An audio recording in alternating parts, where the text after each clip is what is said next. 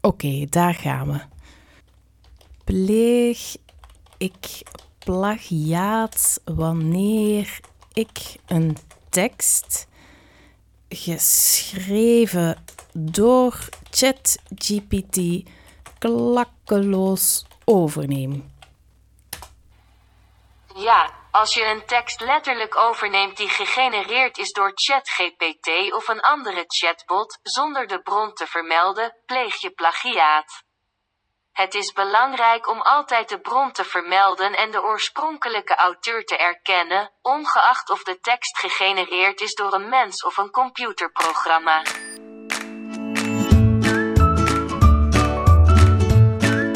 Welkom in een nieuwe aflevering van deze Ahagora-podcast. Een podcast voor studenten over herkenbare onderwerpen waar je als student ongetwijfeld mee geconfronteerd wordt. Mijn naam is Ilse, adviseur in Agora en uw gastvrouw van dienst.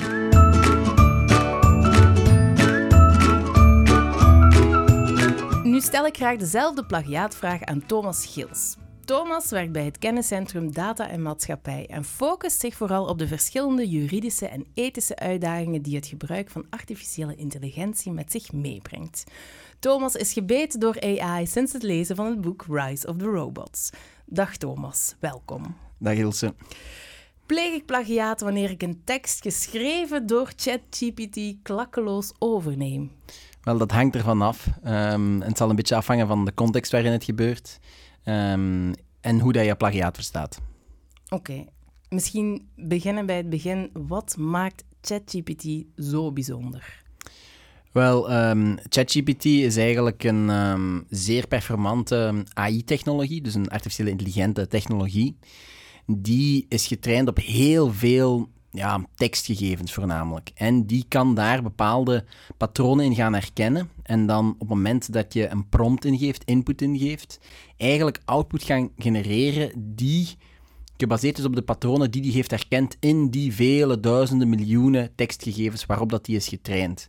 En daardoor is dat eigenlijk zo'n performante technologie en spreekt dat bij heel veel mensen tot de verbeelding. Dus het is eigenlijk gewoon een taalmodel dat zinnen van het ene en het andere achter elkaar steekt. Wel, of het een taalmodel is, daar, moet ik nu technisch, daar kan ik technisch gezien geen uitspraak over doen. Maar, wat het eigenlijk doet, is... Um, ja, dat is eigenlijk gewoon getraind op heel veel tekst die te vinden is online. En dat, is eigenlijk, dat kan herkennen wat er moet komen na het ene woord als het een bepaald woord heeft gelezen. Uh, dus eigenlijk doet dat een beetje aan voorspelling van hoe dat een zin zou moeten worden verder gevormd, en dus kan dat dan, als je bijvoorbeeld daar een vraag aan stelt, gaan niet echt redeneren, maar gaan voorspellen van dit antwoord wordt nu eigenlijk verwacht of zou daar ja, statistisch gezien op moeten volgen. Ja, dus hij, het is niet wel niet dat hij volle zinnen overal uitplukt. Hij zet de woorden zelf achter elkaar. Dat gaat dus denk ik ook bijvoorbeeld afhangen van de vraag die je stelt. En dan sluiten we eigenlijk al, gaan we eigenlijk al richting die plagiaatvraag natuurlijk. Want ik denk hoe specifieker je een vraag stelt en hoe specifieker je een bepaald uh, antwoord zoekt, um, hoe groter die kans gaat zijn dat er misschien ergens één bepaalde bron is online die in die trainingsgegevens heeft gezeten, die dan letterlijk wordt gereproduceerd. Ja, dus nu terug, om terug te komen naar de vraag van de aflevering, pleeg ik plagiaat als ik uh, tekst letterlijk overneem? Je zei al, het hangt ervan af. Ja, inderdaad. Ik denk als we plagiaat begrijpen in de onder onderwijscontext, hè, dus dan gaat het over bronvermelding. Je pleegt plagiaat als je iets niet correct vermeldt, als je niet vermeldt van waar je iets hebt gehaald. Ja, dan kan je op het moment dat je ChatGPT gebruikt voor bepaalde teksten hebben gegenereerd in een paper, thesis, inderdaad plagiaat uh, plegen, afhankelijk van hoe dat een universiteit daarover beslist. Maar anderzijds heb je ook plagiaat in de auteursrechtelijke zin. En dan, dat pleeg je op het moment dat je eigenlijk originele elementen uit een werk gaat overnemen. Uh, en dus stel nu dat tekst die gegenereerd wordt door ChatGPT eigenlijk ja, echt letterlijk originele elementen gaat overnemen uit een blog die ergens online staat, uit een bepaalde paper, ja, dan pleeg je dus ook auteursrechtelijk uh, plagiaat. En dat is natuurlijk ja, juridisch strafbaar. Uh, daar kan je voor vervolgd worden.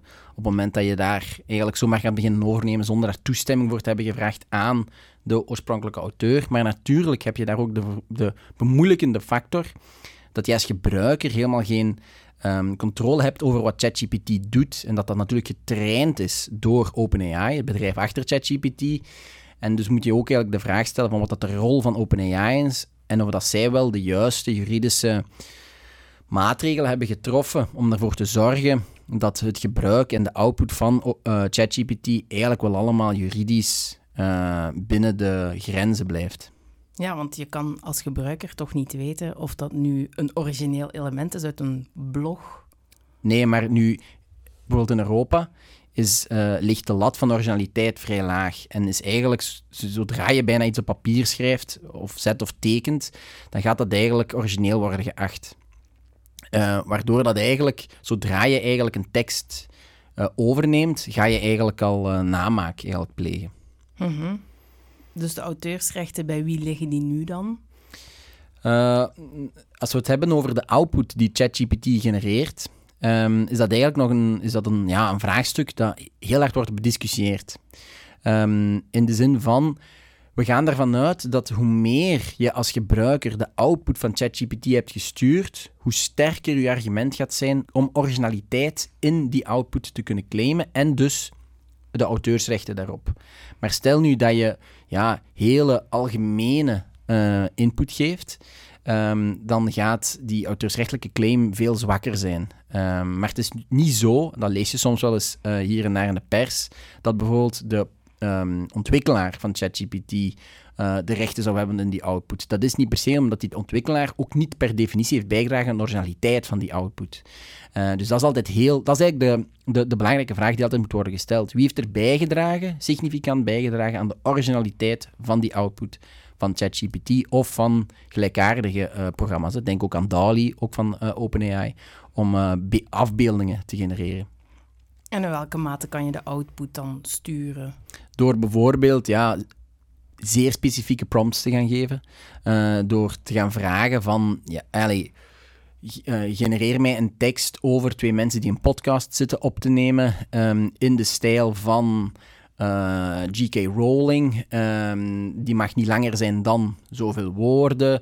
Die moet minstens deze, deze en deze woorden bevatten, uh, enzovoort en zo verder. Hè. Dus hoe specifieker dat, dat gaat, natuurlijk, hoe meer dat uw persoonlijke stempel in die output die ChatGPT genereert, uh, gaat kunnen worden herkend. En eigenlijk hoe meer je uit de praktijk gaat kunnen benadrukken dat ChatGPT voor u niet meer dan een gereedschap was, net zoals een penseel bij een uh, schilder of een klavier bij een schrijver.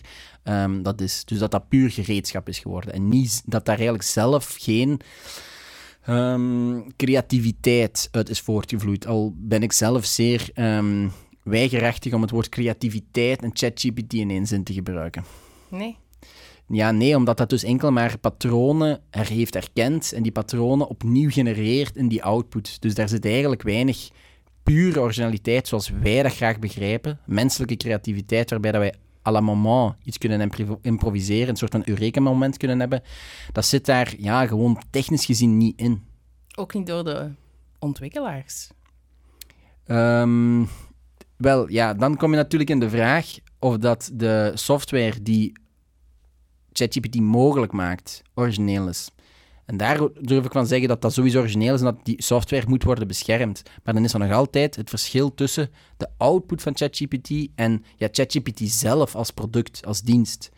Um, en dat is dus ook voor de auteursrecht een belangrijk onderscheid. Die software die ChatGPT ondersteunt, die kan ook auteursrechtelijk worden beschermd. Maar het is niet omdat die software dus eigenlijk beschermd wordt, dat die output automatisch ook door datzelfde auteursrecht zou, zou moeten worden beschermd, dat dus in handen is van de ontwikkelaars of het ja, bedrijf dat die ontwikkelaars uh, te werk stelt.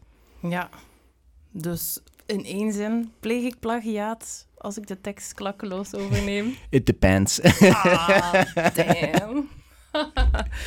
maar er zal ongetwijfeld nog veel rond gebeuren, lijkt me. Ja, ik denk, eh, zoals je nu ook bijvoorbeeld ziet, is dat de, de zoekmachine van uh, Microsoft Bing, dat die nu uh, ja, geïntegreerd wordt met ChatGPT, of dat ja, ChatGPT in Bing wordt geïntegreerd, om natuurlijk daar de concurrentie met uh, Google aan te gaan. Google heeft dan zelf BART gereleased. Dat is natuurlijk wel niet allemaal van een leien dakje gegaan, maar tot daar.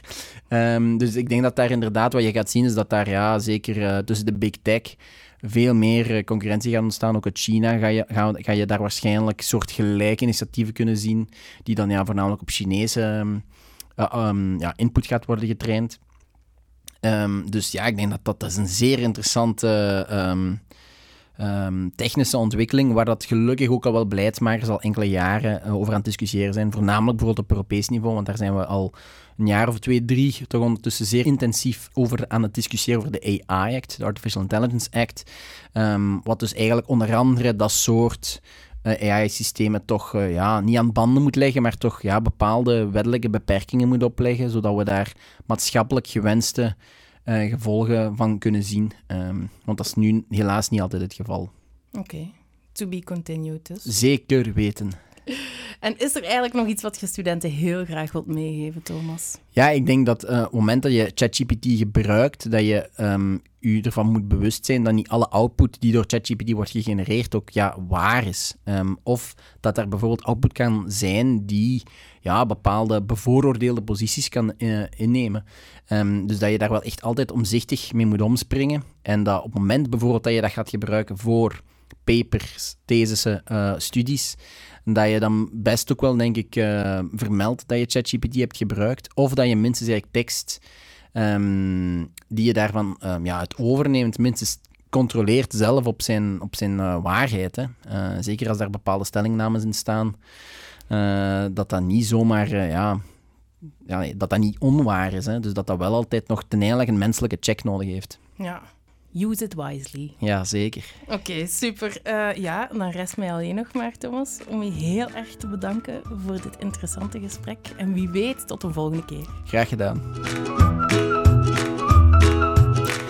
Dus hoe meer je de output van ChatGPT hebt gestuurd door middel van instructies of herwerking, hoe groter de kans dat het uiteindelijke resultaat jouw originele stempel draagt. En hoe groter de kans dus is dat jij, de gebruiker van ChatGPT, auteursrechten op de output kan claimen. Maar een zekerheid is het niet. Op dit vlak is er tot op heden nog heel veel onduidelijkheid. Zoek bijvoorbeeld best naar de bron van waar ChatGPT zijn informatie haalt en refereer naar die bron. Gebruik ChatGPT als inspiratiebron. Gebruik het als een hulpmiddel bij een inspiratieloos moment. En zoals ik al zei, use it wisely. Graag tot de volgende keer.